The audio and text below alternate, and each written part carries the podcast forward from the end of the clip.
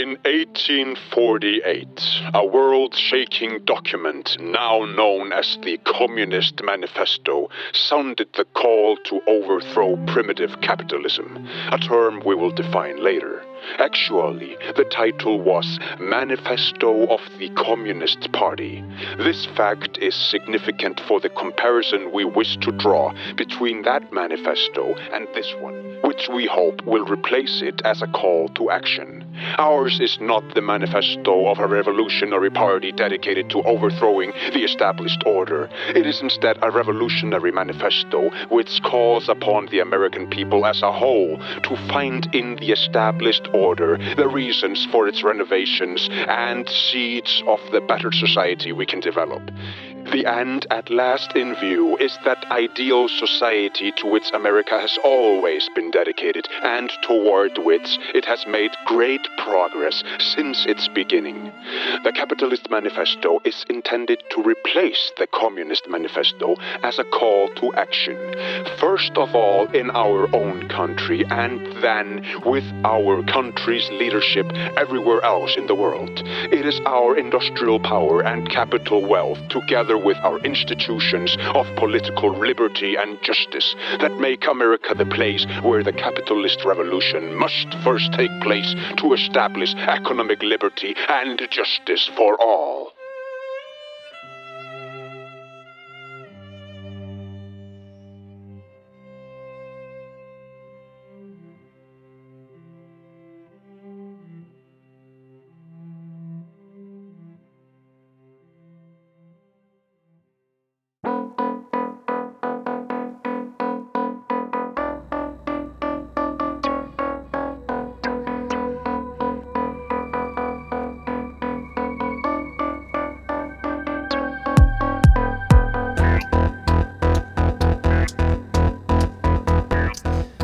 Gott fólk, verið velkomin í þátt nummer 26 af hlaðvarpinu heimsendir.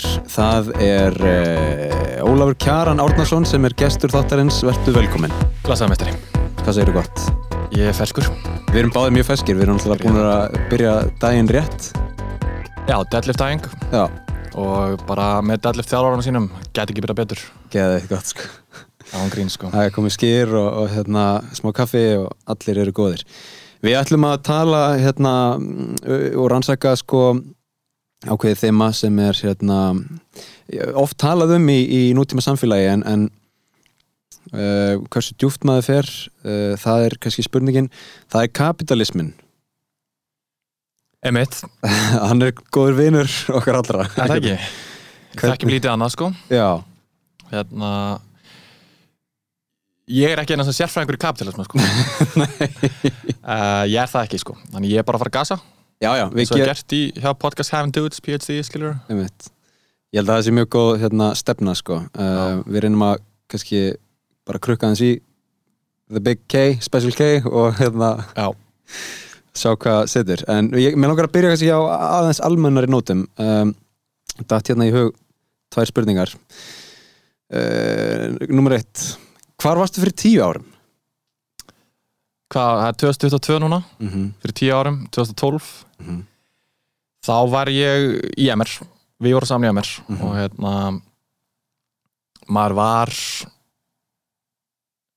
í raunni fyllibita, eða þú veist, bara fucking ógeðsla vittlaus, skilur nýbúna uppgötu þess að guður áttu drikki Já, já, já ég segi svona, þú veist hérna var að njóta lífsins af festu. Um, árið 2012 er svolítið, þú veist, ég held ángrist þar, þar er ég að maksa í hérna djamið sko, ég held ég að við ángrist tekið tvöfaldar helgar bara alla, allt árið.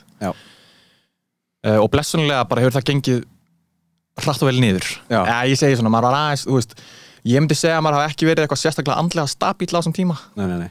Um, en þú veist, maður mætti var einhverju svona frakka, skiljur, mætti MR og svá á bókasafnu og og jú, hafði það í gegnum prófin sko. Já, fókusin hjá mér 2012 var rosa mikið hérna, ég var náttúrulega bara í þessu getur betur á morfístæmi og, og það var alltaf bara mitt missan var bara að vinna næstu keppni. Mm uh, og svo bara skemmta mér sko. Og hérna, ég veit ekki maður vínið opnaði á þessum tíma fyrir manni svakalega svona maður alltaf kynna svo skemmtilegu lið á þessum tíma sko. Og hanga með alls konar fólki að vísu MR svo sem takmarka mengi skiljur, mjög. Ákveðin kreisa allt annað pakkin maður hefði þekkt í grunnskóla sko, sem er meira svona bara blöndun Já, já, alls já. konar. En enga síður, maður kynnist mörgum meisturum hana og þér með, þar á meðal og hérna og nýtu lífsins mjög mikið sko, að maður sé hérna líka einhvern veginn auðmur og já, já. það er mikill hraði. Já, nákvæmlega. Og mjög mikill hraði, mikið að gerast þannig að þú veist, maður sé myndur á þessum tíma maður er með eitthvað alveg fáránlegt lúk skilur, einhvern veginn, eitthvað skilur eldingu í hárinu frá marmaris eða eitthvað og... en hérna já, það var svolítið statusin á manni fyrir tíu árum sko. En þetta er líka sá tími sem sko þegar Morfís og, og Gettu betur var mjög mikið þeng sko. Já, en samt var að fara að dala sko. Aðeins var að dala ég veit ekki alveg, ok, ég hef náttúrulega ekki fylgst með þessu mikið eftir að ég hætti sko. En ég held að, og almennt svona já, ég veit það ekki. Almennt stefningin, svo, þú veist, tíu árum áður á undan því, sko, þá var þetta einhvern veginn bara líka í sjónvarpinu og, já, já, já. og hérna alveg trill stefningi í kringum þetta. Superstar. Já, hjá mér og okkur var þetta, þú veist, það var bara mikill fókus á að vinna. Við lögum allt í þetta e, og fagna vel. Já. e, ekkert endilega, það var ekki þannig að maður væri einhvern sérstu rockstjarni í kringum þetta, sko. Nei, en þetta var rosa mikið þeng sko. Þetta, ég meina, þú veist, mikill aðdraðandi einhvern veginn fyrir hverja keppni og, og hérna tilfinningin var allavega svo að, að allir, allir skólinn væri svolítið að að spekul, Algjörlega, spekulera í þessum spilum sko. og þú veist, ég naut mín mjög vel í þessu, þetta var markmiðadrifið það var alltaf stutt svolítið í næsta einhvern veginn. Mm og maður gæti bara verið einbyttir sér að því að undirbúa það. Já. og annað svona bara matlaði og maður, þú veist, gerði rétt nót til að hérna ná starffræðin og þessu skiljur en hérna, Þetta er líka þessi aldur þar sem maður getur einhvern veginn verið að, að sko herja, herja hérna, heia þrjú mismunandi stríð einhvern veginn og, og þú veist, það er djammið, það er Morfís getur betur og það er skólinn. Já en þú veist, eitthvað verður undan að láta skiljur Já, það já. var svolítið skólinn hjá mér þarna. Já, já, já, en svo nauti ég skemmt vel þegar ég hérna, meldaði mig út úr MR uh, byrjaði hagfræðinni sem var þá svona, ég var búin að ákveða eitthvað 17-18 og ég ætlaði að verða bara king í hagfræði. Það væri einhvern veginn svöru öllum stóru spurningurum og hérna og þá tók ég að mjög fástum tökum þegar ég byrjaði háskólanum. Mm uh, sindi náminu mjög vel. Held aðeins áfram að ruggla eitthvað um helgar en það samt gekk alveg upp. Einmitt. og hérna já, nákvæmlega. Blessunlega er þetta liðin tíð uh, einhver Lord, sko, um, En fyrir fimm árum Það er þá hérna uh, Það vortu Erlendis eða eitthvað? Uh, já, býtu nú við, fimm ár, nei. 2017 það er 2017 sko, þá er ég hérna jú, reynda bjóði í London eða var svona með annan fótinn í London þannig vetur þá hérna var ég byrjaður með konu. Já. það var ástfangin hana og, og það var mikil guðsmildi skiljur við hérna, við erum að, þú veist ef ég spóla aðeins lengra aftur voru 2016 þá er ég alveg loftaður sko. Já, já, já. Þá er ég að klára uh, hagfræðina sko, eða svona. Uh, og er einhvern veginn samt að átta mig á að byrja, þetta er ekki alveg hérna það sem ég var að leita að sko. Þetta er ekki alveg þannig bara þú hérna, lesir þig mikið til, reiknir eitthvað út da da da, sér komið svörin og þessi konsensus í vísindasamfélaginu og allir hlusta á það og það, þá sér þetta bara búin að lesa hérna stóru gátunar í samfélaginu sko. uh, og var svona komið efasendur hvort ég vildi kýla á að fara í doktorsnám og fara allir leið með þetta sko. Mhm. um, og svo er ég bara, ég man ekki af hverju ég er, að lenda á einhverjum veggana þetta vor sko og melda mig til sálfrængs skiljur Mhm. um, bara nett þunglindur skiljur Já, já en ekkert alvarlegt skiljur, ég er ekki greindur þunglítur, ég held ég hafi hitt hann þrísvar þetta var einhver king sko. Mm. og hann var ekkert að flækja þetta sko, hann sagði bara þú, átt að vera, þú ert, hérna ég sé þig. Uh, við erum búin að eiga þetta samtal. Þú átt að vera að mæta svona sexinum í viku veist, það var ekki, þú veist, í sum tilfellum er þetta bara svona. Sömur eru klínist þunglindur og þurfa einhver líf og eitthvað svona og við erum að tala um það, ég, ég hitti hann að manningin um að þreysar, svo bara heyrði ég ekkert í hann aftur af því að þá, þú veist ég var bara að byrja að mæta. Eh, mjög sko með sérna bauði kærfn minni, eh, já, konur minni hérna, núverandi á á deitskiljur, hann á Vespu sem ég leiði hann á Bikeif og bara small allt, bara frekar hratt. Og síðan þá hefur þetta verið miklu stabíla hjá manni, það er ekki mm. þetta 2012 dæmi er ekki lengur. Þannig að já, það, þú spyrir fyrir fimm ára þá er ég dottin í þetta samband. Þetta var að sparka á undan með rítgerðinni Já, já, já, já, já. og ég man ekki, þú veist það var svolítið los saman hérna 16-17 veturinn. Mhm. en rumpaði henni af á endanum. Og þá var ég að byrja að vinna í því sem ég hef verið að vinna í svolítið síðan sem er svona ráðgjöf fyrir stjórnmálamenn og hérna að vera ghostwriter. Já, já, já Gaman að skilja byrja á að spyrja svona bara um mig. Maður er alltaf gaman að tala um sjálfa sig en Er það ekki? jú, fólki finnst það sko Ég er með eina svona spurningu viðbót sem ég hérna var nú bara opnbera í síðasta hætti Hvar líður þér best? Er það dead stöngin? Það er nefnilega svolítið erfitt að svara á einhver aðra leið sko en nei, í alvörinni samt svona hérna, genuinely mest hamingjusamur það er með fjölskyldum minni um, Mhm. konunni Mæju og þessum tveimur börnum sem ég og ég er on double dad sko Mhm. og og það er eiginlega sko einhver önnur tegund, það er svona önnur tegund af hamingju sko Mhm. þegar þú ert með bara hérna eins og þú veist, hún er stelpan, dóttir mín og dóttir okkar er hérna hvað er hún gömul? Hún meir en tvekja hálsast allavega Mm -hmm. komið mikið vit í kollin skilur og hérna bara þvílugur engil Mhm. bara svona og þetta er finnast í aldurinn held ég líka sko. Á einhverju tímpúti allavega þú veist þetta verður finnar og finnara. Á einhverju tímpúti hlýtur það að fara þá niður sko því að svo á einhverju tímpúti eru börn orðin bara svolítið mikil gerpi skilur inn í herbyggin sem í fílu skilur það ég veit ekki. En þannig að ég er auðvitað hamingisamastur þegar við einhvern veginn erum í góðu chili saman sko. Og það hefur kannski verið eh, upp á síkastið hérna mörg tækifæri til þess. Já, algjörlega. En reyndar sko, þú veist, já, sonur okkar er bara uh, ekki og háls mánuða gamall, er hljóða hugsa með eitthvað það. Já, prófa aðeins að taka í mækin Uh, já, býtu, all og hér. Nei, nei, þetta er auðvitað bara góð. Uh, já, þannig að við höfum ekkert eitthvað, ég hef ekki haft eitthvað mikinn tíma til að vera með þeim öllum, skiljur, eða þú veist, við höfum ekkert haft, við höfum aldrei farið í ferðarlag saman all fjögur, eða þannig. Það er bara svona nýr. einmitt. En hérna, jú, jú, það er mikil heim, heimavera náttúrulega núna, sko. Já, já, já. Orlof og svona. Tökum smá pásu. Kominir aftur. Komin í betri mæk. Herði, hérna, já, sem sagt, ok það er bara um, fallegt og um, valit svar, myndi ég segja. Eh, kannski hérna En þú veist, klálega næst best.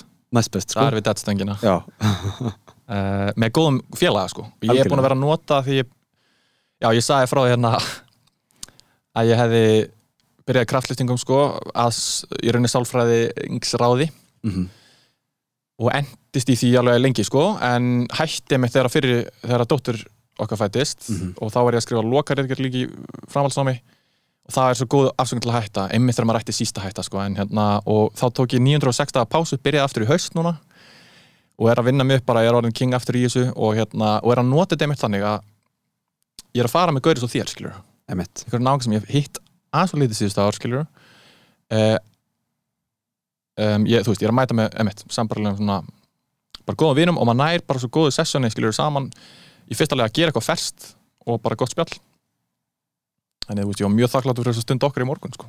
Sömmulegis maður, það var mjög gott um, Sko, skoðum aðeins umræðarnið Einmitt. Það er kapitalismi Hvað er kapitalismi? Þetta er grundalega spurning sem ég kann ekki endilega svara við, sko. Nei En, þú veist, ég myndi segja að það er sennilega hægt að skilgrina frekar þröngt, sko. Um, og líka hægt að skilgrina á svona einhvern almennar hátt. Ég myndi segja kapitalismi er svona markasækjörfi sem segja kannski ekki mikið en það felur í sér að hérna eða það er eiginlega kapitalistkerfi þegar sko megnið af svona framleiðslutækjunum í samfélaginu eða fjármagninu sem er rauninni sami hluturinn sko mm er í eigu engaðila og, og þeir eru svona og, og því er dreifstýrt. Já, já, þannig að það er ekki sko eitthvað eitt ríkisvald kannski með þetta allt á sinni hendi eða eitt kongur og nokkrir hérna undirsátar hans lénsherrar eða þannig. Um, ég myndi segja já, þú veist, einhver geti sett fram skilgreiningu og nú bara aftur með þessu fyrirvara ég er ekki fræðumar í þessu sko, ég er að gasa aðeins. Þar sem allt, allt fjármagnir þarf að vera hendi einhverjala og þá er ekkert kapital í samfélag þannig að það er ekki skilgreining sem meika sens fyrir mér. Ég menn í daglegu tali þá myndi ég frekar skilja þetta þannig að samfélag heimsins sé heila öll kapitalísk í dag Mhm. með bara algjörum svona jaðar tilfellum sem undantegningum sem eru þá, þú veist, Norðurkóri og eitthvað. Mm og kannski bara ekki og neitt annað sko. einmitt. Uh, en þetta er algjörlega ný staða í rauninni í heiminum síðust svona 20-30 ár að sé kapitalismin einn sem bara ræður ríkjum. Mm um, og ný staða í mannkjössögunni um, af því að áður var á 20-stoltinu var maður kannski segja að þetta hafi verið þú veist, tvö svona þjóðskipulög sem uh, skipta einhverju máli, skilur ég meina kommunismi var yfirlýst stefna hjá kannski þriðungi mannkins í löndum þar sem þriðungi mannkins bjó -hmm. Sovjetríkin og Kína og víðar. Þá skiptaði einhverju raunverulega máli fyrir bara framvindu atbyrða í heiminum. Sem það gerir ekki núna uh, og þar á undan, þú veist, ef við spólum 100 ár, eða öldina þar á undan skilur 19. öldina, að þá er einhvern veginn miklu meiri í gangi, sko um, þá eimir hann þá eftir af svona miðalda skipulaginu, sem var svona léns skipulag og vistarbandið á Íslandi afnöðum um aldamóti 1900 skilur uh, og það er eiginlega tengist eiginlega því að ég myndi eiginlega láta fylgja með í skilgreiningu á kapitalisma sko að það þarf að vera hérna allavega samkvæmt lögum eru sko, er vinnuafl sem þykkur laun, selur sína vinnu þykkur laun fyrir það og hérna og er allavega frjálst samkvæmt lögum. Mm þú veist, það er ekki þrælar. Uh, vegna þess að í þessum svona kerfum eða þannig sem voru áður þá, þá var hérna þrældómur eða eitthvað svona vistaband eða eitthvað miklu svona það var eiginlega bara raunveruleikin nánast allstaðar sko. Mm og en þá, þá hérna, ég myndi ekki líta svo að þessi kapitalskerfi, þá er eiginlega sko, þá er þetta lénsherni sem er eiginlega ríkisvaldið og þeir eru líka með fjármagnið. Og hérna, og svo er það hérna undir stjettin sem getur ekkit hún getur ekki ráðið hverjum hún selur vinnuaflið sitt. -hmm. hvað þá stopnað fyrirtæki eða eitthvað skiljur og það er bara einhver svolítið önnur skeppna, algjörlega. Ekki kapitalist. Er þetta ekki temmilega svara? já, já, já, já, sko er þetta náttúruleg þróun? Er þetta, þú veist ef þú, hérna ef heimurinn er eitthvað svona tilraun og, og þú framkvæmir þessa tilraun hundra sinnum Já, myndir alltaf endi í kapitalism myndir já, einmitt. Uh, ég held ekki sko. Nei. eins og ég skil kapitalisman nei, sorry, kapitalisman, ég meina bara svona framvindu að, hérna, sögunar skilur Mhm. að þá ræðst hún svo mikið af hérna tilviljunum. Um,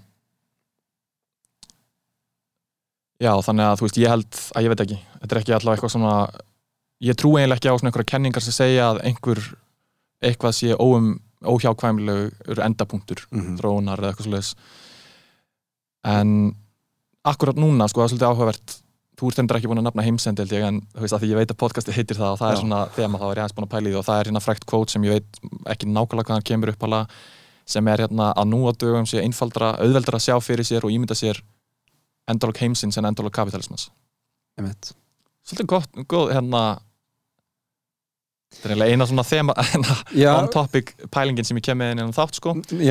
Um, og, og þess vegna núna á þessum tímum sem við lifum núna þá einhvern veginn er þetta svo, finnst mann þetta svo óhjákvæmlur hluta veruleikanum að það hefði kannski aldrei neitt annað geta orðið. En þetta er í rauninni alltaf, þú veist í mökk langri sögu mannkynsinn skilur þá er þetta algjör bara síðasta mínúta Já, og, og kannski hafa, sko, hef, hefur þetta alltaf verið uh, sögnin, það er að segja á 19. öld, 20. öld já þá er bara, öll kerfin voru til staðar og, og hérna, fólk sá kannski engar breytingar í vændum já ég meina þá var þrældómurinn skilur og bænda þjóðfélag sem var þá og eitthvað bara fólki fannst það kannski vera bara eðli veginn mm, að það væri allt þannig og það veri einhver Ó- sjálfsæður endapunktur einhvers eða skilur óyggjandi, óhagganlegt Já. uh, já, það er svolítið áhugavert uh, sko pælingin hvort að hérna, eitthvað eitt fyrildi á 20. öld hefði geta já, uh, svingað þessu yfir í, í hinn áttina já bara, þannig, sko. einmitt, öruglega sko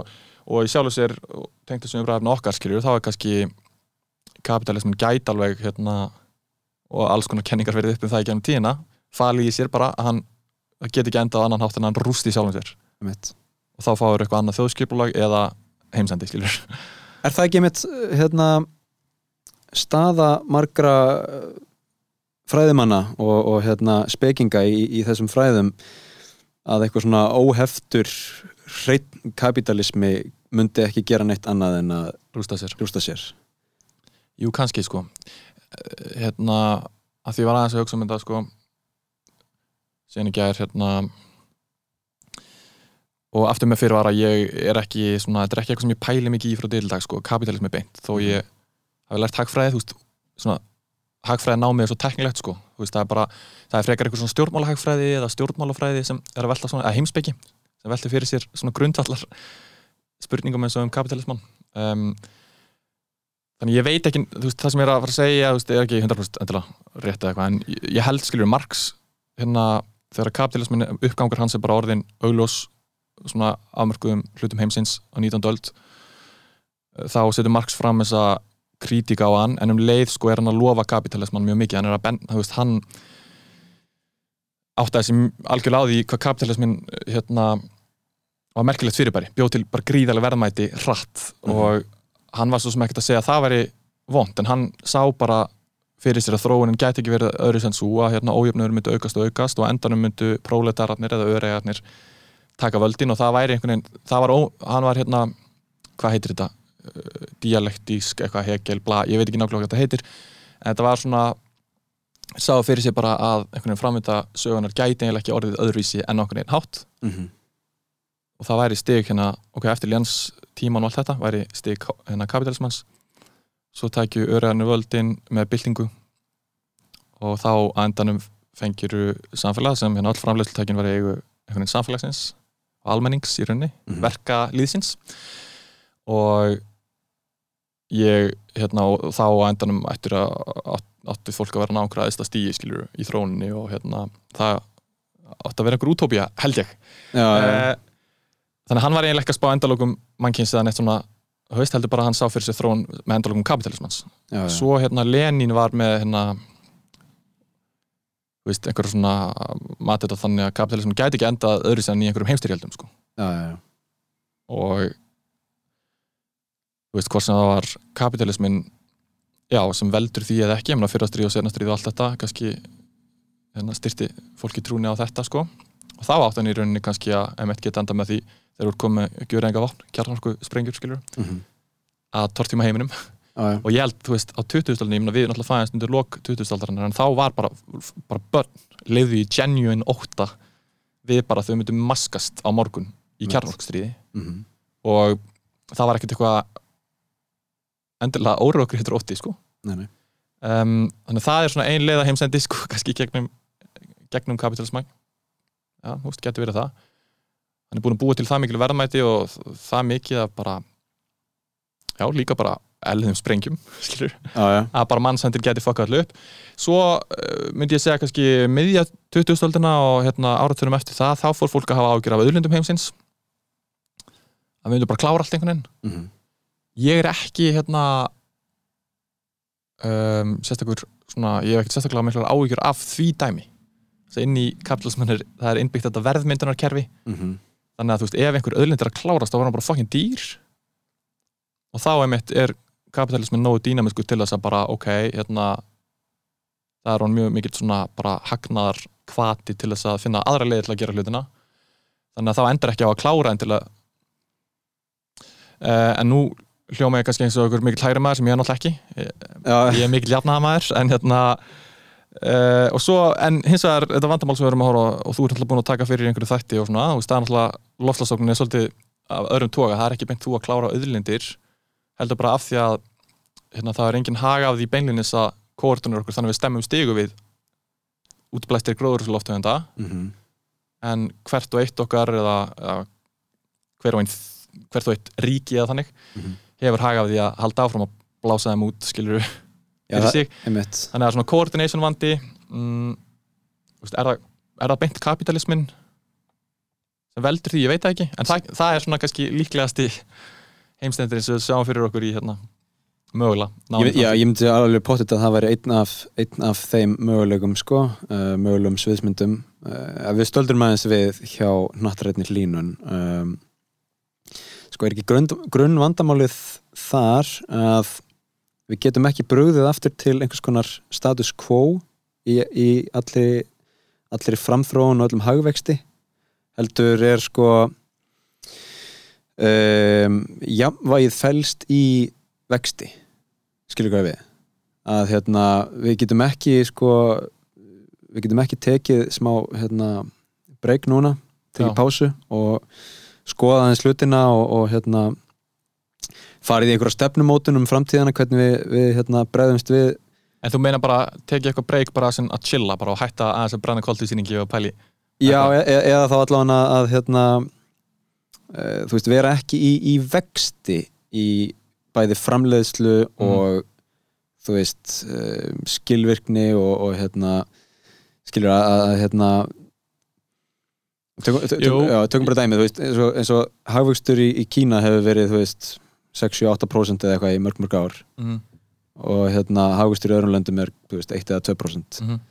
uh, ef að Kína færi niður í 2% hagvöxt Mm þá þýðir það ekki að, að hérna, það sé 2% frá núlinu, skilur við, þá þýðir að það sé í einhverjum hnygnunarfasa.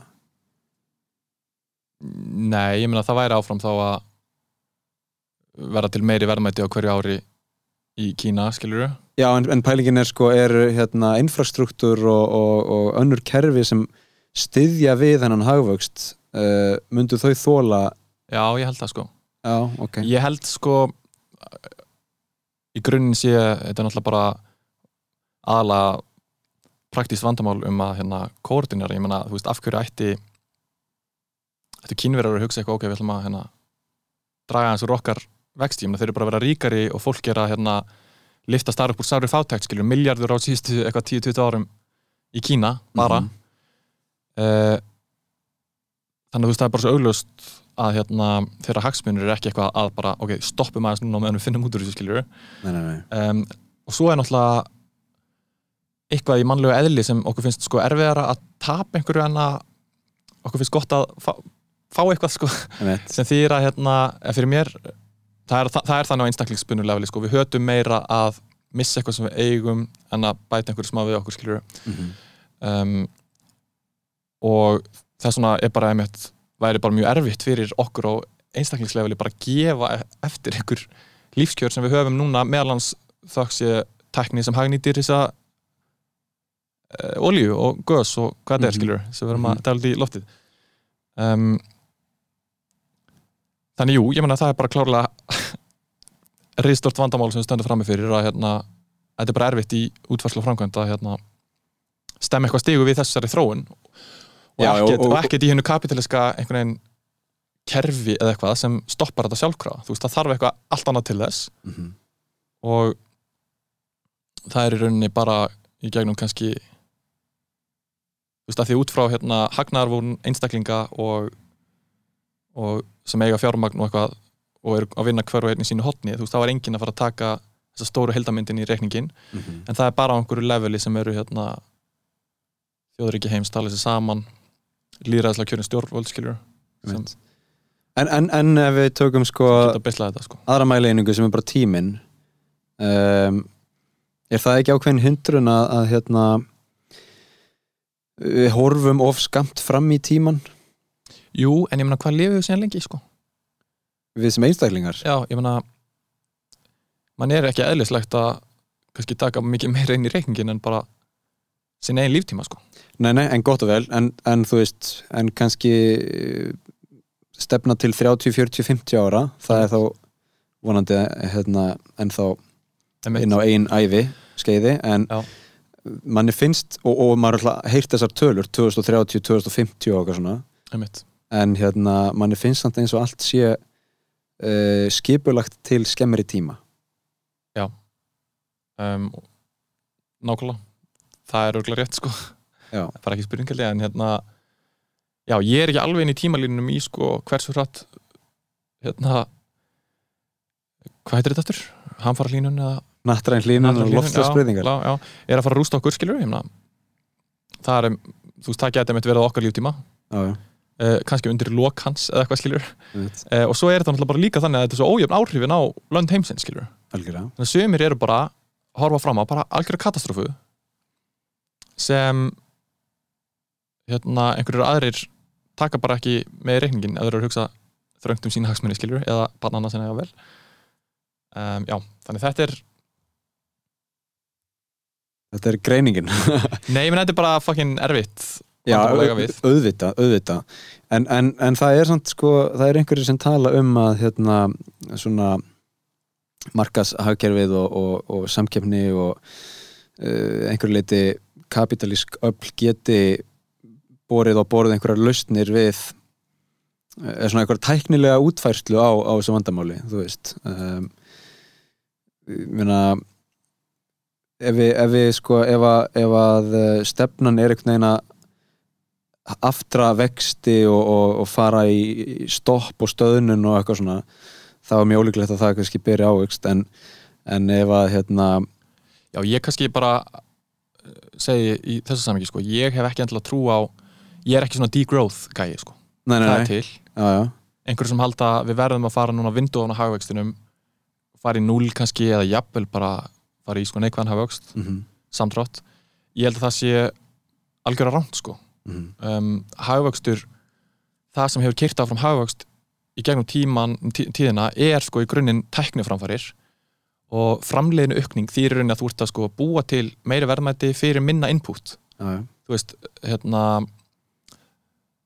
þannig að hagvöxturinn hefur alltaf falist í því í rauninni að, að hérna, geta í rauninni nota minni auðlindir í um, að búa meira til, eða skiljur og, og búa meira til er líka bara þjónusta skiljur þetta er ekki bara hérna, vörur, þetta er ekki bara eitthvað svona sem þetta er ekki bara eitthvað neistla þú sækir honi í jörðina og eitthvað svona getur haldið á sko nei, nei. og, og, og, Um, og sumir hafa náttúrulega skotið inn líka að hérna uh, kommunismin til dæmis eða, þær myndir sem hann tók á sig hérna á 2000-stöldinni hafi verið mun óskilverkari og, og í raun já, jável sólunda meira sko. sólunda meiru sko já, nákvæmlega, ég veit ekki getur vel verið sko, ég held alltaf að þeir hafa ekkert minga minna skiljur nei, nei, nei. um, en en hérna og, þú veist, ég held að þetta sé líka bara svo dauðadæmt fyrirfram einhvern veginn, það ætlar að fara að segja við fólk bara, heyrðu, við ætlum að fara að spenna beltin hérna núna og hætta að uh, hérna bæta lífskjör. Mm þú veist, þá nær, þú nærði ekkert mikið lengra með það held ég. Sko, við getum talað um þetta í miklu forréttina samfélagi sem er Ísland, skiljur en það er bara eiginlega sjúkt ef maður hugsa þetta út frá sjónarhóli bara fátæks fólks út um allan nött sko. við, veist, það er óvíða sem lífskjör eru betra en á Íslandi. Kína er að catcha upp, skilur og ég nefni Kína sérstaklega því að það er bara sláandi dæmi síðustu 20-30 árin uh, um hérna bara fólki í sárið fátækt bara fækkar mjög hratt, skilur þar. Og hérna og það er ótrúlega veist, mér finnst það bara einhverju leiti smá sjúkt og ég held að sé raungleið bara praktíst fram á við döðadæmda því hún myndi ekki virka veist, ég held að þetta sé bara ekki leiðin til að hugsa þetta að hérna degrowth eða eitthvað skilur Nei, nei, nei. sé málið en það þarf hins vegar róttakar aðgerir mjög að, þú veist sem líðræðislega gjörna ríkistjórnir eða bara ríkistjórnir landa geta hérna gengið í og helst samhent eiginlega annars er þetta líka mjög vonlust Já, já. Um, og máli er, ég menna við höfum alltaf gert hellaða hluti og þú veist þó að kapitalismin sé með hérna þú veist það er samt, já hérna það verið mikla tekniframfærir og eitthvað þegar út af hérna svona hagnar sjónum um einstaklinga að þá er samt svona stóru stökkin eru ofta ekkert síður eitthvað sem er hérna ákveðið bara, ok, við ætlum að hérna leysa þetta vandamál og ríkið dælir peningum í að leysa það sko. Mm og að, þú veist, ég kann ekki alveg, hún heitir Mariana Mazzucato, hérna hagfræðingurinn, ég held að þessi ítölsk sem hefur skrifað svolítið um þetta, bara svona og hún rekur þetta alveg, þú veist, það er bara hérna game áætlunin leita sér bara fullt af framförum og internetið og þú veist, bara ógeðslega mikið af góðu stöffi, skilur þannig ég held að núna, ég meina, lausnin hljóta að vera bara risa aksjón á sviði sem stjórn leiða, skilur hafa fórist um. Og þá getur þau búið til kvatan einhvern veginn og hérna engaðalarnir með fjármagnið sem ætla að græða peninga veist, sem eru quintessential, kapitalistanir já.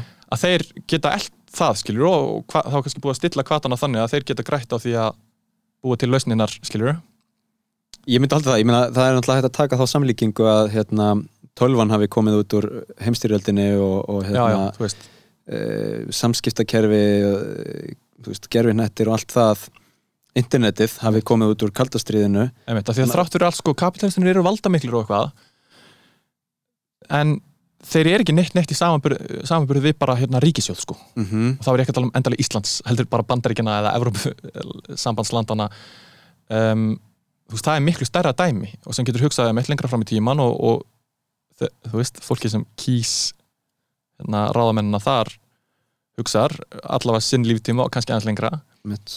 Um, þannig það er á þeim vettfangi sem þú getur sett miklu meira og stærra effort en Mhm. nokkur, nokkur tíman hérna, einhver Elon Musk sem ætlar að finna upp eitthvað sniðut í raunni Er þetta samt að fara að breytast einhverju leiti?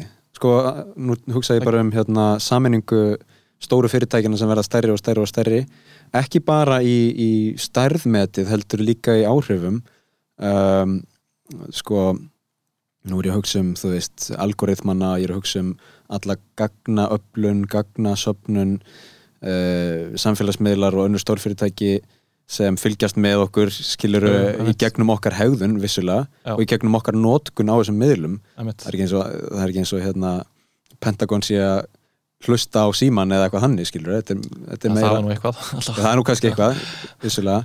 en síðan kemur hérna síðan kemur ákveðin heimsendaspá sem ég heiti frá félagum mínum að hérna uh, það eru þessar upplýsingar sem koma í gegnum hegðun þína á netinu og síðan síðan er hérna uh, ert að gefa frá þér einhvers konar lífsýni, þú veist í, í hvort sem það er í einhverjum COVID-mælingum eða, eða í einhverjum svona að, að hérna sjá hva, hversu stór hluti af þér er frá einhverju Evropalandi eða veist, what, er eitthvað 23andMe að hérna greina erðamengið þitt sko.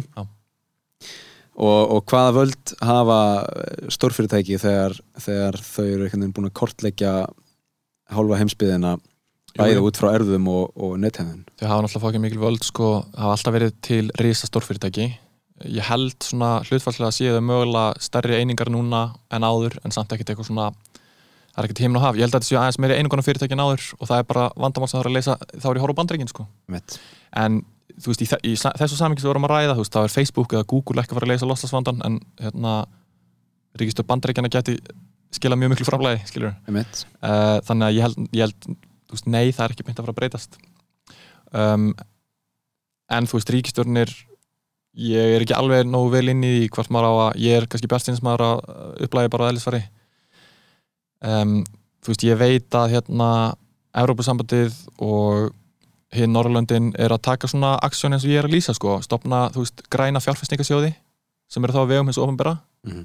með mökk mikla peninga sem renna í það að leita lausna við loslasvandanum og eitthvað svona smáskref hér og þar og út úr því getur komið eitthvað skilur Mhm. það verður á ennþá stærri skala ef bandaríkin var að gera þetta uh, eða ég veit nánast ekki neitt um Kína skilur ég veit ekki hvað er að gerast þar þannig að hérna já ég held að lausninar ef þær koma þá koma þær út úr einhverju svona. Mhm. en svo er líka spurning þú veist hvað er lausn við loslasvandanum ég meina það var ekkert að kalla eitthvað lausnir eða kemur í vekk fyrir alls þeirra tortímingu okkar og eitthvað en það geti samt farið fokkin ítla fyrir mjög marga sko. Ég veit. Já, já, já, hvað er laust auðvitað? Um, það að bregða aftur til steinaldar er einhver laust sko en Já, hún, einhvern veginn, já. hún kannski hendar ekki alveg. Um, sko mér langar líka að koma þess inn á hérna svona framtíð eh, framtíð mannkynsins hvað var þar vinnu og, og virði. Um, uh, veist, eins og þú segir hérna í byrjun að það er mögulega einhver hluti af skilgreiningunni á, á kapitalisma að það sé vinnandi fólk sem skilar einhverju, einhverju vinnu af sér uh, og fær fyrir það laun. Mhm. um, en sé í grunninn frjálst já, allavega svona samkvæmt lögunum þú veist, svo getur verið efnahagslega ófrjáls já. uh, sko, og sí- síðan kemur hérna eitthvað sem er svona gamalt kunnugt stef í þessum þáttum uh, gerfugrindin ok, sem er einhvern veginn uh, sumir trúa á hana og aðrir trúa ekki á hana og, og, og, og sumir kalla hana hana og þú veist, líta á hana sem einhverja einingu en Mhm. síðan er hún náttúrulega bara mörg mismunandi kerfi sem eru mismunandi langt komin í sinni þróun. En hérna, einhvað síður þá mun svona um, hvað heitir það, sjálfvirkni væðing Jú, er ekki? uh, leysa um, af mikið af fólki og, og hérna taka mörg störf í sínar hendur eðlilega að einhverju leiti ég meina það er hérna bara mörg störf sem henda kannski tölvum og, og vélum mun betur heldur en uh, mannöpum um, en þá þurfum við að fara að skoða sko hvernig við metum virði vinnu þú veist um, hvernig metum við laun, skilur hvað uh, ef að fólk missir vinnuna og er kannski ekki að skila neinu fjárhagslegu virði inn í samfélagið Er það þá einskisveri? er það þá einskisvirði? Hvernig metum við gildi þess og virði? Uh, já, sko það er kannski einskisverði ef hérna siðferðið þetta er einhvern veginn ef þú dregur siðferðið þetta einhvern veginn frá kapitalismannum eða þannig sko Mm -hmm. eins og hérna og ég gerir það náttúrulega alls ekki skilur, ég sé kapitalismann sem einhverja maskinu sem er búið til ógeðslega mikil verðmæti og er hérna er eiginlega eina þjóðskiplaði sem er í gangi í heiminum í dag og eina sem er eitthvað svona raunheft sko Mhm. þú veist, mér finnst meira að segja hérna eitthvað, sósélistaflokkurinn eða þeir sem eru svona rótækaskri í uh, pólitík og Ísland, þeir eru ekkert eins og leggja til neitt ánám kapitalismann sko. Nei, nei. þannig mér finnst, þetta er svona capitalism realism hérna, dæmi, bara í augu við það, svona fólk sem er kannski hérna, svolítið jafnar menn í sínu hjarta eða finnst samfélagi skipta einhverju máli skiljur eins og ég hérna að ég held að, þú veist, málið sé ekki einhvern veginn að ætla einhvern slæfi kapitalismann við höfum ekki valkost og, og það vill reyndar svo til að þau land sem, hérna, það sem hafa orðið bara til farsælustu og bestu samfélagi í heimi samkvæmt allavega mínum svona mæli hverjum á það, eru land sem hafa bara beislaðan, skiljur það sem er hérna það sem þeir sem eiga fjármagnir fá ekki bara að gera nákvæmlega allt sem þeir vilja og það, það sem er sterk verkalýsreying og hérna, og virk líðræði þar sem hérna, valdhafar geta líka bara sniðið af vankanta kapitalism, ég er ekkert að, þetta er engin hérna, ný vísindi, þetta er bara norræna mótili sem ég er að lýsa, basically. Um, þú veist, þannig ég hef miklu meiri áhuga á því en hérna bara í mínu lífi og veist, þessum störfum mínum í pólitíku og eitthvað, að hérna stúdera það vel. Stúdera hvað hefur virkað og gengið vel frekar en einhvern veginn vera velta fyrir sér nákvæmlega hvað Marx myndi eða eitthvað á 19. öldinni með einhverjum í einhverjum mjög löngum dóðrandi eða þú veist, Já, já, eða að hérna, eða vera endalust að drulli yfir kapitalismann án þess að bjóða upp á einhvern valkost þú veist, þá er ég bara hrifnar af því að stúderum hérna það sem hefur gefist vel Mhm. reynum að styrkja það í, í sessi og þá komum við að því sem þú veist að tala um áðan skilur að hérna að nei, þú veist hugmyndin í norræna mótilinu er náttúrulega svo að þú veist ekki bara köldum klaka ef hérna kannski eftirspurnin eftir því sem þú kannt að gera hverfur yfir nótt út af einhverju tækniframförum Mhm. eða af því að þú slasast eða eitthvað og þú veist þetta eru bara ég meina almanna tryggingar ungt fólk og þeir sem eru að hlusta á þetta podcast ka- kannski pæla ekki mikið í þessu sko hvað þetta er en, en þetta eru tryggingakerfin og eiginlega stórkostlegar uppfinningar eða þannig og samfélagsbreytingar sem verða á 20. öld og fyrst emitt á Norrlöndunum og svo í eitthvað minna mæli við annar staðar en það er bara allur gangur því sem tryggjaði gegn svona. Og það sem samfélagið ákveður bara þú veist, þú lendir í vinnuslýsi eða veikist eða verður örki eða hvað það er þú veist ekki, við ætlum ekki að rústa þér. Um, þú vinnur við eitthvað og einn daginn vaknar og það er búið að finna upp vél sem gera það. Hérna hugmyndin í norræna líkaninu er þá ok, samfélagið hjálpar þér að reyna að segja einhverja nýja þekkingu að kunnátt eða tekni eh, ferni á eða hvað er til þess að gera eitthvað annað. Mhm. Og þú veist ekki bara er þetta hérna bara út frá bara svona allavega mínum gildum og eitthvað bara svona mannulegasta leiðin og bara besta fyrir hérna einstaklingarna sem lenda í, í þessu þetta leiðin til að skipleika samfélag. Heldur líka bara, held ég að þetta sé hérna besta leiðin bara út frá því að skapa mikil verðmæti sko, að hérna að kasta ekki bara einhver svona kasta fólki ekki bara á haugana. Mhm. Ef það lendir í vesinni, heldur að hjálpa því að verða sér út um nýja ferni og eitthvað svona. Og ég held í rauninni ég er ekki svona veist, ég veit ekki alveg hvað þessi umræða er stærst um þetta með gerfigreindina og hún muni láta störfin gufa upp og koma ekkert í staðinn. Um, en ég veit að þetta er alveg líka rætt á Íslandi og verkefliðsreifingin er eitthvað að pæli þessu líka hér og svona en þetta er kannski meira ágefni í samfélögum þar sem hérna, er ekki þessi félagslegi innviðir til þess að hjálpa fólki að standa aftur á fætur og finna sér eitthvað annað að gera og, og tryggja það fyrir hérna atvinnum sinum yfir Mhm. þann tíma sem hann varir þá uh, en ég held að þetta sé í grunninn ekkert eitthvað mikið öðru sem aðra tæknifrávarir nei, þú veist, í byrjun 19. aldar þá eru lútítar í Breitlandi sem hérna eðilöðu vélar, skiljur, að þeir hötuðu þær að þeir kannski misstu störfunni döð, það var ekki tryggingakerfi sem hjálpaði þeim að lifa áfram um, en þú veist, það verða þá til störf annar staðar og, og þetta er hérna já, það verður aukin verðmæti þarna út af þessum framförum skiljur, þetta getur verið mikið rask fyrir einstakar stjættir og fólk mm en þetta leiðir ekki til þess að það kom ekki önnur störf í staðinn nei, nei, nei. Ég, sko, Þannig ég, þetta er viðfangsefni, skilur, og klálega eitthvað sem bara mentakerfið okkar og félagslegu kerfinu öll þurfa að taka með reikningin þegar það er bara verða miklar tækniframværi sem breyta miklu. Mhm. Það sem er að breytast núna er auðvitað önnur tegunda störfum, þú veist, færibandi listi, meira einhverja verka menn af hólmi, hérna, einhverjar framfærar í internetinu hafa kannski list meira einhverja svona síma, fólk sem svaraði síma eða var að taka einhverjar skráði í sólandaferðina eða hvað er skilur uh, af hólmi. Og núna er einhverjur aðra stjætti kannski alveg í vanda, ég veit ekki, einn daginn leigubílstjórar verða óþarfir og eitthvað. Mhm.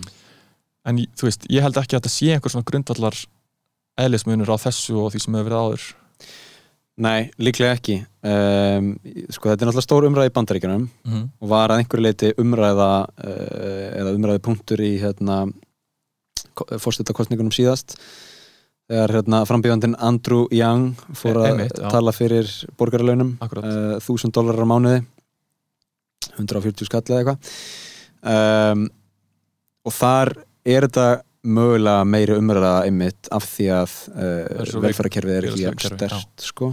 og reyndar kannski til að klára aðeins þetta, þú veist, ég var að lýsa norrænu löndunum, norrlöndunum og norræna mótulinu sem einhver svona algjör útópíu kannski en meina, það, það er samt ekki þannig að það sé bara búið að koma og fóta einhverju kerfi sem bara lifir endalist og, og uppfyllir þessum mark, hálutu markmið sem ég var að lýsa Mhm.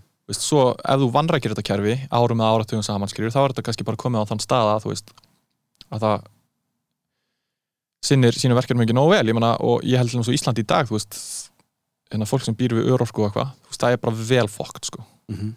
að lifur á bara fárala láguntekjum, er bara dæmt í sárafattit og tala um að þú fæðist fallaður skilur, eða með föllun sem hérna, heldur aftur að er einhverju leiti á vinnumarkaði eða öllu leiti.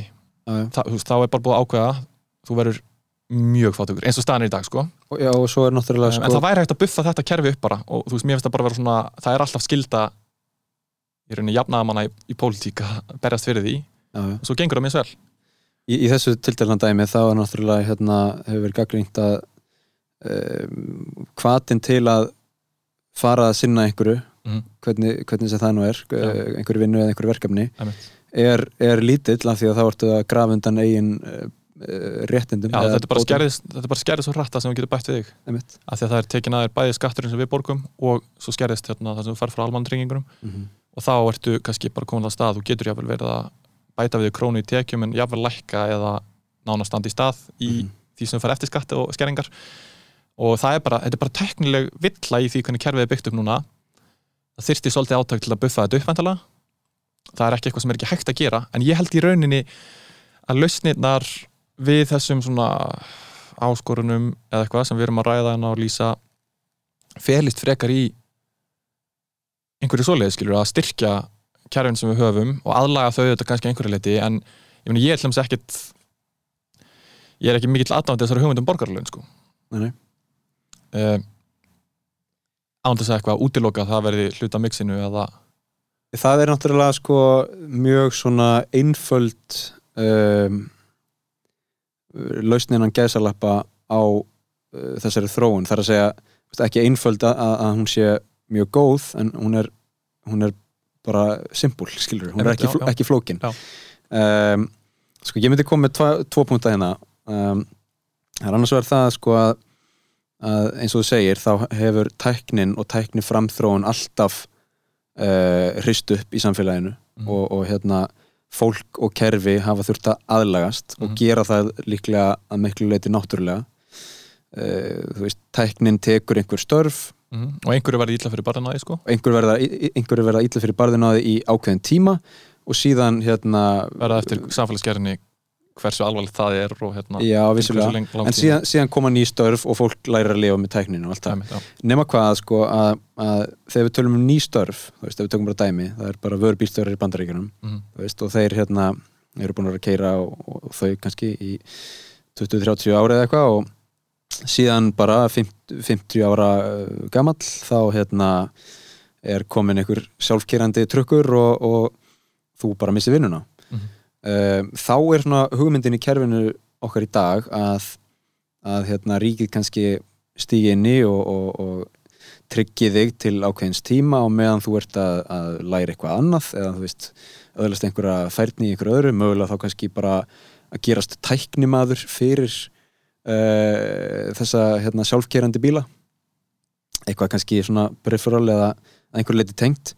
En þú ert ennþá í sama kerfi. Þú veist, þú ert að búa til eitthvað um, fjárhagslegt virði fyrir fyrirtækið Já, eða samfélagið þannig að þú ert að fara úr því að búa til fjárhagslegt virði í ein- einu starfi yfir í að búa til Já. fjárhagslegt virði í öðru starfi. Já, allavega að þeir texta hérna ef þú ert komin í einhver aðra vinnu, og svo tökum bara annað dæmi. Hérna, uh, það að sko til dæmis uh, vera listamaður eða vera foreldri eða að vera sjálfbóðaliði eða einhvers konar skipuleggjandi hérna, félagsstarfs Mm. veist, þetta er svona uh, hlutverk sem skila mjög miklu virði til samfélagsins. Auðga lífið. Mm um, en það er kannski flóknar að meta til fjár einhvern veginn um, þannig að það verður ekki til söluvara alltaf, eða, Já, algjörlega. söl, þjónusta til sölu út af því, sko Ég meina, veist, hve- hvernig metur uppeldi til fjár? Vissulega kemur hérna einstaklingur inn í samfélagi sem mun um ókomin tíma skila, veist, skatti, skilur já. af sér, af sinni vinnu, Mhm. en, en, en þú ferð ekki að, hérna, eitthvað að reikna það sem einhver laun til fóreldrana. Nei, nei, Uh, en þa þá er einmitt pælingin að, hérna, mögulega eftir 100 ár, þegar, hérna, einhvers konar kerfi hafa tekið tekið yfir og, og hérna, tekið alls konar störf og kannski ekki búið til ný störfi í staðinn að þá er kannski hægt að hérna, breyta þessu virðismati og fara að veist, veita listamönnum laun ekki sem einhverja ölmusu Mm. eða, eða einhverjar bætur þú veist, listamannalaun er ekki bætur heldur bara til að styðja við, við það að við komandi búið til list fyrir samfélagið sem samfélagið getur síðan notið. En ég meina það er einhverju leiti listamanna launa fyrirkomlega til dæmis er þannig, er ekki? það er algjörlega þannig sko Þannig að eh, einhverju leiti eru við sem samfélag uh, og ég meina við áttum okkur klárlega á því þó það byrtist ekki beint í hérna, verkri landsframlegslu eða þannig skilur eða hagtölum að það verðmæti eru alls konar og ekki bara með til fjár og já, ég meina þess svona ég veit ekki nú ætlum ég að reyna að hugsa um mig sem foreldri út frá, svona, út frá þessu eh, út frá verðmæta sköpuna, ég veit ekki skilur en uh, þú veist þegar ég er að sinna barninu mínu eða að laði upp eða eitthvað, jú ok, ég, meina, ég fæ náttúrulega ánæg út úr í sjálfur en það er líka einhvers konar kannski fjárfesting í hamingju sem maður fær setna því að fylgjast með barninu vaks og tafna um, Mhm. þannig að þú veist og þá er ég í rauninni þá er það kannski það er einhver verðmæti sem ég tek alveg inn í reikningin já, án þess að einhvern veginn færa það inn í heimilsbókaldi eða skilur Já, hvað er að fara. um, þannig að við svo sem, já, upp að einhverju marki en það er erfitt sko, já svo er samfélagslegt verkefni stundum að hérna, ef það eru einhver svona verðmæti sem við sem hérna er erfitt að koma í verð einhvern veginn að búið til söluvar úr en við viljum samt hafa sem samfélag Mhm. reynt loft eða hérna öflug grassrót listamanna sem síðan skilur, já, já, að já. þá er oft bara samfélagsverkefni að fjárfesti í því og hérna og styðja við að einhverju marki og eftir einhverjum leiðum og Einmitt. emitt, hérna, útfærsladri nákvæmlega hvernig það er gert og í hversu miklu mæli og Þetta, þetta er hérna spilarinn í uh, dæmi sem ég heyrði vanandi viðskiptamódel módel samfélagsmiðla það er að segja sko samfélagsmiðlar og, og önnur fyrirtæki sem versla í raun með okkar aðtigli Já. sístla með okkar aðtigli að sjúki nútíminn. Sjúki nútíminn. Að því mér þetta er bara byggt á einhverju viðskiptamódeli sko og hérna og uh, hvernig vindum við ofan af því? Hvernig veitur Eru- þessum fyrirtækjum er þeir aðhald? ekki mjög hérna mis djöfulegir þessir, hérna, þessir stóri samfélagsmiðla fyrirtækja því að þú veist eitthvað hérna YouTube skilur það eru content creators sem fá borgað Já. og við förum þangað og sjáum það sem við viljum sjá kannski einhverju auðlýsingu leiðinni og þannig fjármagnaru gerð contentsins að meðan Facebook er þannig einhvern veginn að við förum þangað þeir sína okkur eitthvað sem heldur okkur húgt Mhm. Safna upplýsingum um okkur nota það einhvern veginn öðru sig ég veit ekki til að græða eitthvað. Selja auðlýsendum já. Eh, skilur hvað er að fara? Saman með Instagram. Æ, þá, sorry, ég er bara ekki djúpur í þessum pælingum en hérna ég held að það séu mjög svona misvondir uh, já, já.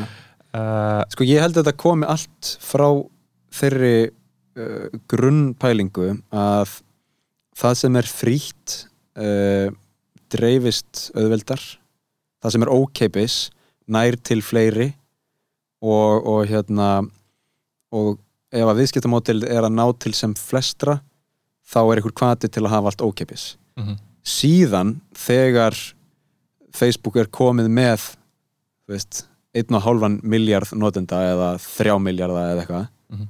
þá fer Facebook að hugsa skilur að ok, við erum hérna búin að hafa þetta frítt í öllu sár uh, Alltaf byggt samt, á það var örgulega því. alltaf einhver hagnað á hana, skilur, augljóslega, að baki. Þau vissu kann- kannski ekki alveg nákvæmlega hvernig þau ætlaði að kristja hagnaðin út úr þessu en þau vissu að þau myndu geta það, þú veist, að það væri með 1 miljard notenda. Já, það, það er nefnilega, það er held í máli í dag, skilur Já, vel fyrir bara einhver áhrif, áhrifavald á Instagram. Já. Þú veist, byrjum að ná 50.000 fylgjendum nákvæmlega, og síðan mun einhver hagnaður koma. Emitt uh, En veitu, hvað við eftir að ræða núna? versus hérna, versus það að sko fólk fólki finnst bara eðlilegt að borga fyrir þessa þjónustu. Fólki finnst bara eðlilegt að borga fyrir myndböndin sem Já, það sér á já. YouTube fólki finnst eðlilegt að borga fyrir hlaðverspyr sem það hlustar á allt þetta Já. að hérna, þá er komið nýtt viðskiptamódel og þá þarf ekki allar þessar auglýsingar. Og uh, þá er kannski að þetta hérna, frels okkur undan um, auglýsingunum og, Já, og þessum aðteglis stuldi sem er Já, þessi stað. já, já, En já, sorry, hérna sem sagt uppháspunkturinn inn í þetta var hvort að það væri hægt að horfa á samfélagsmeila sem eitthvað skonar almanna eign, skilur, almennings eign, eign að hérna veist, ég veit ekki, meina við borgum bara eitthvað dólar, eh, einn dólara á mánuði og nýtum Facebook Mhm. og þá er búið að breyta viðskiptakjörni á hérna, Facebook, Já. þau þurfu ekki lengur að stóla á auðlýsindur emitt heldur geta þau gert það sem þau ættu að vera að gera sem er að veist, tengja mig við þig já. skiluru Emitt og En hvað, já, þetta strandar bara á því að okkur finnst dýrar að gefa dólar en þessar upplýsingar Já. Það er sannlega það Sko, ég hef ekki alveg pælt í þessu samingi en hérna, þess að með fjölmiðla, sko það er svona, svolítið tengt, sko þú veist, viltu borga áskrift fyrir bara gæða efni ekki auðlýsingur Mhm. eða viltu sleppa við að borga áskriftina og hérna, fjölmiðlinn þarf að reyða mér á auðlýsingar og fer þá að hérna, eldast við kliks og fer að blekja þeim einhverju sjúkri fyrir svo að ná þér þannig Einmitt. þú veist, þannig er, ég meina hagfræðingar myndu tala um bara markasprest, skilur já, já. þeir græði ekki nógu mikið á því að framlega gæða content uh, vegna þess að þá þurfa að rauka einstaklingana sem vilja heldur sleppa við það og þetta tengist í að eignarétturinn á fréttunum og gæða contentin sem þeir búa til er ekki staðar og setur Mhm. hérna, fréttun út á neti búin að kannski borga blaman í mánuð fyrir að vinna hana skilur en þá er hann bara komin í umferð Einmitt. allir hinn miðlan geta byrt hana þú verður enga hvað til að gera þetta svona sko um, versus sko Spotify uh, þú veist, uh, á þess að vera eitthvað að hampa því kannski er en- ekki Spotify, þú veist, er það ekki að borga eitthvað fucking lítið Jú, en er bara að borga rosalega lítið Já. en þá allavega er skiluru uh, ein bóðleið uh, allavega til að byrja með fyrir uh, það sem þú skapar Mhm. uh, í gegnum einhvern miðil sem er Mhm. Spotify til neytindans innan geðsalapa um, Mér er Spotify Spotify sem neytandi finnst mér að líka vissla um, En er þetta nightmare fyrir framleiðendur? eða? Ég held allan að Íslandi sérstaklega hérna, að það sé að meina sem þó kemur tilbaka, skarra sko. kannski en hérna bara LimeWire og eitthvað sko eins og líka hérna í einhverju svona sjónvarsáttum og bíómyndum ég meina þetta, er, þetta virðist vera að komast í eitthvað svona þokkala ásættalegt horfir það ekki með sem það eru nokkra efnisveitur skilur Mhm. Og fólk eru viðskipt við sömur þeirra og Jú, uh, þetta er náttúrulega um, fólki sem býr þetta til fær eitthvað, right? Ég myndi halda það og ég myndi líka sko áætla bara að þessi komið meira fjármagn inn í bransan sem gerir honum kleift að framleiða meira Já. sem gerir vonandi mér kleift að vinna meira eða þú veist, það eru fleiri tækifæri fyrir fólk í bransanum, Æmitt. hann er hann stærri uh, en ég meina þú veist, það er vankantur að þessu eins og öllu öru það er alltaf óþúlandi að vera að leita ykkur bíómynd sem er síðan ekki uh, til af því að þú ert á Íslandi en ekki í bandaríkjurum eða eitthvað svona. Já, þetta, þetta er alveg drasli ég náttúrulega horfi samt svo lítið á hún kjátt sko, þannig ég veit ekki mikið um þetta. Ég er bara, við erum að ræða núna eitthvað sem ég veit núlum sko. Já, já, já. ég erum ekki að gera hlust eftir negriða allavega ekki mitt framlag sko. Nei, en sko varandi hérna kapitalisman í umræðinni Já. þú veist, af því að það er voða vinsælt sérstaklega hjá hérna svona okkur og undir einhvern veginn að taka drullið á kapitalisman Já. Já. Og, og þú veist, líta á hann sem einhverja einingu það fer svolítið eftir hvað skilgrin er þetta sem sko. skilgrin, veist, ég held kannski fyrir almenning og svo hugsa hann kannski helst bara um kapitalisman sem bara það þegar þeir sem eiga fokkin pening mega bara gera sem ég allt sem þeir vilja einmitt. og bara hérna, eru bara makka samfélagi og spilgi eftir reglunum og, og beigjandi sér líðræðið og allt þetta Mm og ég er náttúrulega aldrei að fara að bakka það upp skilur fyrir það er mér hérna, fyrir það fyrir mér er eitthvað bara mjög vond útgáða kapitalisma kannski. Um, en svona fræðilega er þetta nær því sem ég var að lýsa aðan skilur -hmm. lýsing á hérna þjóðskipulagi um, sem er í gildi nánast allstaðar og virka bara mjög misvel eftir þú veist það fer bara eftir þessu mörgu sko. Ég meina hversu vel og svo eru til hérna, ég myndi segja að það eru kannski tvær dominant típur núna á kapitalisma. Uh, þú veist, meina þessi kínverski kapitalismi er kapitalismi sko, sem var innleitur svolítið eftir eitthvað 78 Það var Kommunískur kapitalismi. Já, en hann er miklu ríkistýr þar og það er, ok, aftur, ég veit, ek, ég veit eiginlega ekkert um Kína, ég væri til að, þú veist, en það er samt hérna, alltaf mín, svona ímyndin og það sem maður heyrir og les og eitthvað er að, þú veist, ok, mannréttindi eru bara miklu meira fótum tróðin, skilur mm -hmm. og í rauninni hefur þá, þú veist, það eru enga fyrirtæki og þá fólk fær að græða en ef aðalritarinn eða einhverjur undirsátar hans ákveða bara, heyrðu, það er búið fyrir þannig, þá fer hann bara í fangilsi, skilur Mhm. og það er ekki svona þessi frjálslinda tradisjón. Og það er ekki sam sambarleg stjórnarskrá. Og það er ekki svona checks and balances eins og er í, þú veist það sem er reynd að koma í veg fyrir algjört vald einhvers eins. Um, þannig að, en þetta eru svona kannski tvær dominant típur af kapitalisma núna, það er annars vegar þessi svona uh, vestræni það sem er hérna á í grunninn allavega að vera hérna, mannréttindi virt, þú veist er alltaf prentfrelsi og allt þetta. Um, tjáningafrelsi, samkomafrelsi da, da, da. og og ríkið getur ekki gert nákvæmlega sem það vill bara við því skiljur en svo er það hitt sem er meira bara miðstýrt og meira pólitíst í rauninni, meira svona hérna, komastaflokkurinn í Kína bara sem er pólitíst afl ræði miklu meira bara ferðinni já. alveg, á meðan hérna, fórstu bandarækina er einhvern veginn bundin rosa mikið af því að það er þing sem hann þarf að díla við og það er hæstiréttur sem hann þarf að eiga við og uh, þú veist og ein- einhverjir hafa kannski meiri trú á hérna ég meina bæða kerfi hafa sennilega kosti og ókosti sko. Við á Vesturlöndum horfum á hryllum okkur kannski svolítið við tilöksunum þetta kínverska fyrirkomulag skilur, það sem bara mannréttunum er fórnað, en í staðin fyrir kannski meira eitthvað stabilitet og Já, ég sko, þau allan að hafa burði til að hrinda veist, meiru í verk eða stærri nákvæmlega gríðarlegum breytingum Gríðarlegum breytingum, sko. skilur, af bara svo miklum krafti sko. Já, já. Það er eins og segir, menn á 30 árum he- hefur hérna, mörg hundru miljónum verið lift upp úr fátækt sko uh, hva, hvar það skilur þau eftir það er önnur spurning í raun Já. Vissulega betur en fátækt en, en hérna ég segi nú bara eins og þú, ég hef ekki komið til Kína og ég Nei. þekki það bara ekki nógu vel sko sérfræðingur í Japan vissulega sjá- sjálfskipaður sérfræðingur í Japan sko Nei, nei, bara alveg ja. En þetta er, þetta er mjög góð punktur með sko um, einhvern veginn blóra böggulinn kapitalisma uh, sem stendur fyrir uh, bresti í kerfinu sem við búum við Mhm. annars vegar og svo þú veist, þess að þetta er svona fræðilega höfðtak sem, Já. sem lýsir raun bara skipulegi heimsins og mér persónulega finnst það bara ekki frjór jarðvegur skilur, að vera að basja kapitalism eitthvað geðað mikið án þess að vera, geta bent á eitthvað skýr, skýran valkost fyrir okkur skilur já, já. hérna bara hvert þetta fara með þetta þú getur ekki sagt mér þá hvað ég á þú veist, hérna fá í staðinn eða um, já ég, nú er ég að reyna að hugsa þetta í einhverju íslensku samengi eða þannig svona nærmanni en alltaf fyrir mig er bara svona mjög öðvelt þú veist, ég sé bara uh, módel í því sem virka, hefur virkað vel basically á Norðurlundum og víðar á 2000-aldinni Mhm. og vil styrkja það í sess og gera það betur frekar en einhvern veginn hérna, segja allt er ónýtt kapitalismin er svo vondur og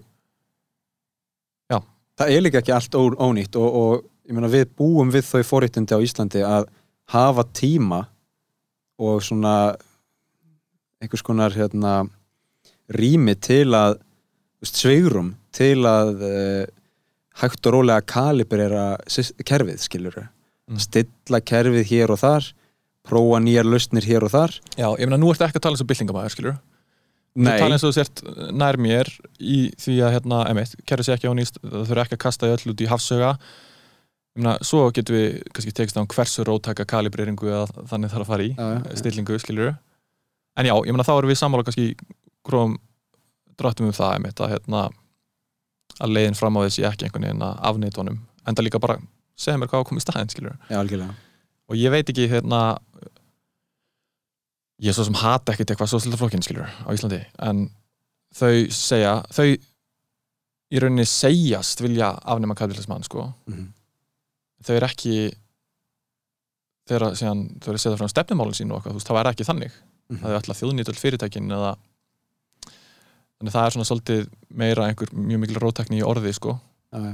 uh, og þú veist, mér finnst alltaf að svo lesa sér til skilur og það má alveg það getur, það er bara fínt að, að það sé að kritisera hérna það sem er í gangi og benda kannski á þegar að, hérna, við erum að láta kapitalismann hérna, er hann fer með okkur í gönur eða hvað það er skilur Mhm. en ég held alltaf að þú veist ég, fyrir mig, ég, meni, ég þarf að hafa eitthvað svona von og eitthvað og hafa eitthvað svona raunhaft svolítið svona plan, eitthvað sem ég sé og já, já. veist, eitthvað sem er nálega í, tíma og þá hérna finnst mér bara algjörlega basic að veist, það væri að hérna drullast er að deliver einhverjum betri jafnaðarflokki að hérna þessari fyrirmynd, þessari ágætu góðu norrænu fyrirmynd uh, og þú veist, það er ekkit vonlaust mál, við, ég meina pendullin í norður Európa er svolítið að sveiflast þangað Mhm.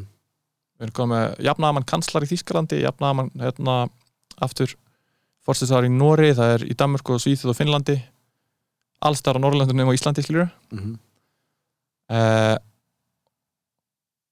og þarf ekkert endilega mikið til að hérna að það gerist á Íslandi en þú veist það eru svona ákveðin ákveðna fyrirstöður já, kannski það bara einn hérna King Leto í skilur um, Já, já, algjörlega, ég menn allt hægt. Það er hérna það er sko það er svolítið lenskan í, í, í hérna umræðinni, hvort sem það er þetta umræðefni eða eitthvað annað eh, til dæmis samfélagsmiðlar. Og þú veist, hérna mín gaggrínis rödd og mín gaggríni á samfélagsmiðla endar einmitt ekki alltaf í uh, hinum valmöguleikunum, Nei. lausninni, skilur að það er einhver lenska í, í umræðina að hérna benda og, og hérna, benda á vandamálin en, en koma kannski ekki með Nei, nei, auðvitað er allt í lagi upp með einhverju sko. marki sko. Um, en, en, En ef maður vill raunverulega breytingur og árangur þá væri maður að taka hugsununa lengra. Það er nefnilega málið sko. Hérna, núna bara í, rétt í lókin uh, ertu með eitthvað nýjársheit Nei, ég flaskaði að því. Ég byrjaði aðeins eitthvað grublið í 250 dead Það væri vel í lagt, ég veit ekki hvort ég er að fara alveg þangað en þú ert samt heitur sko. Ég held ég að byrjaði að skrifa niður í notes svona, og ég skipti í þrennt, það var í leik starfi og hérna yngalífið, eða þannig, bara heimilinu. Og hérna, jújú, jú, bara í leik undir það fjallalega, þú veist voru einhver goals í kraftliftingunum, skiljur. Ég er komin inn í núna upp í sko, cirka gamlu PR-in mín frá því árin ég hætti. Og þá er bara stemning bara að brjóta brjóta gamlu metinn og hérna en nei, ég er ekki með, ég kláraði þetta ekki þessa vinnu Nei. um, öllast meiri mýkt sko þú hérna, við vorum að tegja á hann hérna já, já, auðvitað sko í svona í því dóti, svona hreyfingun á því þá getur maður bætt við sig sko akkur núna er ég bara aukaðið með styrk já, en á einhverju tímpandum mun ég að rústa veikleikum. En ég meina veikleiki er kannski þá einhverju tímpandum bara svona almennt mobility og eitthvað skilur, maður mun taka það fyrir tíma skilur, þá mun ég ræsa því út maður já, já. uh, Nei, ég, jó- jóki. sorry, ég, ég er ekki að gefa mikið að mér í þessum, nýjársveit sko, hérna, varst þú með eitthvað svo leiðis? Já, nei, ég meina, ég er náttúrulega að flytja til Japan bara og hérna, það er kannski bara eh, svo sem ekki nýjárs heit en markmið ársins er kannski bara að hérna uh, komast inn í inn í leiklistarsamfélag Tókjó borgar. Og hérna Já, það er epíst sko. Það er alveg geggjupæling. Það er að vera hægt að fletta þér upp á IMDb og hérna það er einhver hellaður japansku titill. Já. um, þannig ég stið það mjög eintreið sko. Já, fá mér japanskan um- umbóðsmann og hérna skæðstu limit. Og já, ég meni, ég held að ég held að verður komin inn í senuna Japan fyrir en varir sko. Já. ég held að hérna típan muni koma mjög sterkinn en bara þú veist fluent í japansku gott, svolítið vírað vestrænt lúk og bara já, svo ertu með dræfið í það sko. En hérna já, er, er þú svona nú er ég farin að taka viðtalið, hérna er þú svona markmiðadrifin eins og ég sko? Uh, já. Að því að hérna, ég var að hlusta eins og Arna Dan sem er í mínum svona lengi vita hana, bara mínum ögum King Eh, og ég heyrði að þið voru svona svolítið mikið að ræða ferðalæð Já. og þú veist, ég er kannski ekki nógu mikið þar sko Nei. kannski væri maður hæmingsamri ef maður væri meira að horfa á ferðalæð en áfangastæðin og allt það sko Veit. en nú er ég bara svolítið forðan að vita hvort þú sért sko. ég nærði að vera bara markmiðadrifin já, já, já það fer eftir tímaskalanum sko. ég meina öll mín verkefni núna eru uh, kannski 1, 2, 3 mánuðir sko. Já. þannig að markmiðin ná ekkert mikið lengra en það uh, innan þessi ramma þá uh, reyni ég að hafa gaman að ferðaleginu Já. en vissulega er ég með Kanban board heima hjá mér sko. hvað sér? to do list, Kanban já, uh, já, hérna, já, já, to do in progress done. Nákvæmlega, velgjart einmitt. þannig að japansk orð kemur frá Toyota, ég skil. Kanban. Það er við erum að detta henni upp í klukkutíma. En ætlar að slíta þessu bara þá eða? Ekki? Þetta er búið að vera bara mjög gott stöf um, Óli Kja, Kjamandin Steppi Kemp, Þakka að kærlega fyrir komin eðurinn var allir minn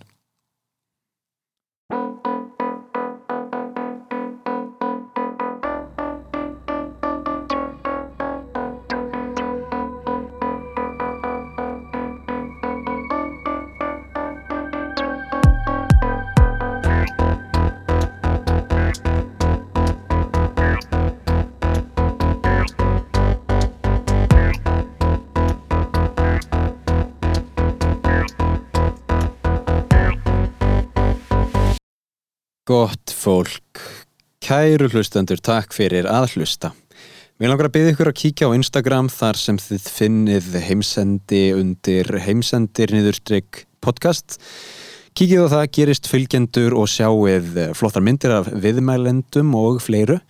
Síðan langar mig að bjóða ykkur á Facebook. Þar er Facebook-hópurinn heimsendir að þetta í 200 meðlumið þið gætuð orðið númer 200 eh, þú sem einstaklingur gætir orðið númer 200 ef þú drýfir þig að skrá þig.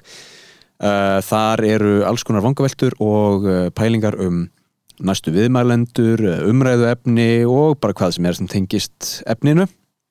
Loks langar mig að byggja ykkur um að uh, dreifa orðinu, segið einum til tveimur til þremur frá hlaðvarpinu heimsendir. Þannig fáum við fleiri hlustendur, þannig fáum við fleiri meðlimi í fjölskyldina okkar og vöksum og döfnum. Takk fyrir það, takk fyrir að hlusta og við heyrumst í næsta þætti.